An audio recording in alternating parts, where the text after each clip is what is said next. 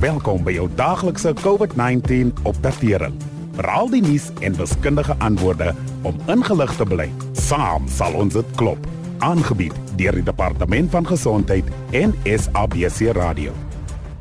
Teen die einde van verlede week het Suid-Afrika byna 560 000 gevalle aangeteken van mense wat van COVID-19 herstel het. Dit is amper genoeg mense om die 10 grootste rugbystadions in Suid-Afrika stampvol te pak. En dit beteken byna 9 uit elke 10 persone wat 'n infeksie opgedoen het, het teen hierdie tyd herstel. In vergelyking met die res van die wêreld, wil dit voorkom asof Afrika lande baie minder sterftes as gevolg van die pandemie aanteken. Wetenskaplikes is nog nie seker hoekom dit die geval is nie, maar hulle hoop om lesse te leer wat vir ander internasionale streke van waarde kan wees. Verlede Woensdag het die minister van Gesondheid, Dr. William Kiese, vir parlementslede gesê aangesien daar nou minder gevalle gerapporteer word, die regering versigtig sal voortgaan om die ekonomie te heropen. Tot dan sal baie mense steeds moet staatmaak op spesiale regeringstoelaas en verligting vir tydelike werkloosheid. Meer as 8 miljoen aansoeke is vir die werkloosheidsversekering toelaag van R350 ontvang en 5 miljoen van die aansoeke is reeds verwerk.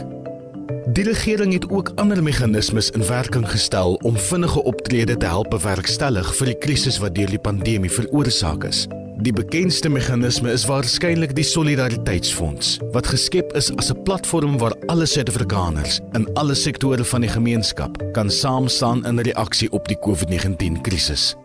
Maar hoeveel van ons weet wat die Solidariteitsfonds doen of watter verskil hulle maak? In vandag se insetsel gesels ons dus met ons gas oor hoe die fonds tot stand gekom het, hoeveel geld dit al gegenereer het en hoe dit bestee word. Besoek gerus na afloop van vandag se insetsel die Sikaba iCOVID-19 Facebook bladsy. Daar is skakels na die Solidariteitsfonds sodat jy in meer detail kan kyk wat hulle alles doen. En ons gesels met Mil Mansfield, programdirekteur van die Zero Dropout veldtog van die DG Murray Trust. Mil, ons praat vandag oor die Solidariteitsfonds of dan die Solidarity Fonds soos ons aangesê is om dit te noem en eh, waarom dit gestig is. Kan jy vir ons meer vertel? Dankie vir die uitnodiging.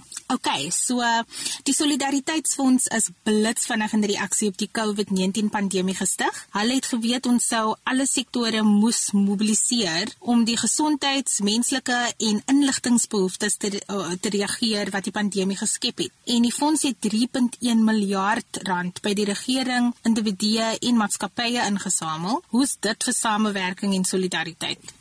En waaraan is die geld bestee?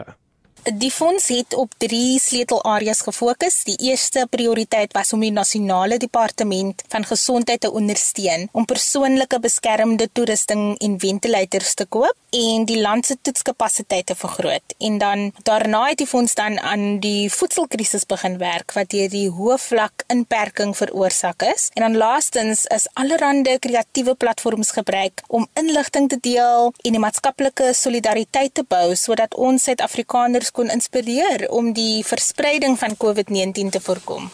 Hoe weet ons, ek, jy, Jan publiek, hoe weet ons dat hierdie Solidarity Fonds se geld behoorlik bestee word? Dit is vir die fonds baie belangrik om deursigtig te wees wat betref waarheen die geld gaan en om goeie koöperatiewe bestuurbeginsels in al die besluitnemingsprosesse en aktiwiteite toe te pas. Deel hiervan is die publisering en bywerking van verslae oor al die projekte wat onderneem is. Nou van die belangrikste bestedings tot dusver is 905 miljoen rand op persoonlike beskermende toerusting vir gesondheidsorgwerkers en 405 miljoen uh, rand om noodsaaklike toerusting vir hospitale en veldshospitale te koop om hulle vir ernstige COVID gevalle gereed te maak. Dan is daar ook 250 miljoen rand goedgekeur om 20000 nie indringende ventilators plaaslik te laat vervaardig en 363 miljoen rand is gebruik om die regerings en akademiese laboratoriums se toetskapasiteit te verbeter. Nou daar is talle belangrike projekte wat ek nog ook kan noem.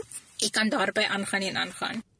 Ek wil gou teruggaan na die plaaslik vervaardigde nie indringende ventilators. Hoe help dit die gesondheidswerkers en die COVID-19 pasiënte natuurlik? Dokters reg oor die wêreld het gou besef dat ernstige COVID-19 gevalle vroeg reeds suurstofbehandeling nodig het, maar die nie indringende ventilators, nou dis 'n stap voor die intensiewe sorg, is duur en skaars en ons het plaaslike ondernemings gekry om duisende ventilators te vervaardig, wat beteken dit was vinniger beskikbaar en sommer baie goedkoper, minder as halfte van die normale prys. En wat van areas soos voedselverligting en maatskaplike kwessies?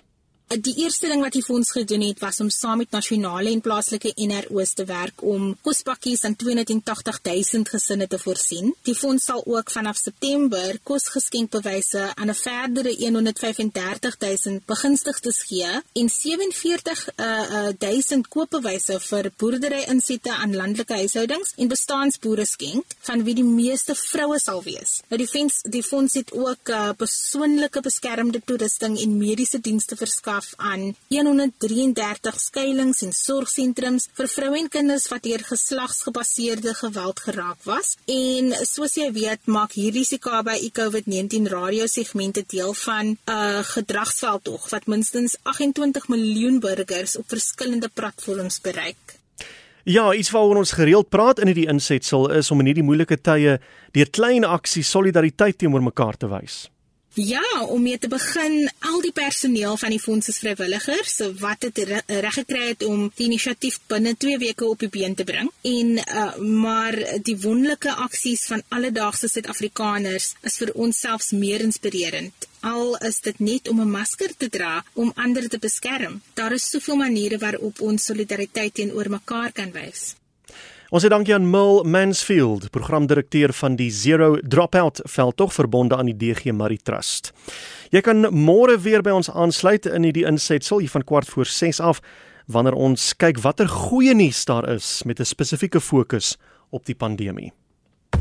Dankie dat u geluister het na die daglikse COVID-19 inligtingstuk aangebied deur die Departement van Gesondheid en SABC Radio in samewerking met die Solidariteitsfonds. Wees veilig, bly gesond. Saam sal ons dit klop. Suid-Afrika.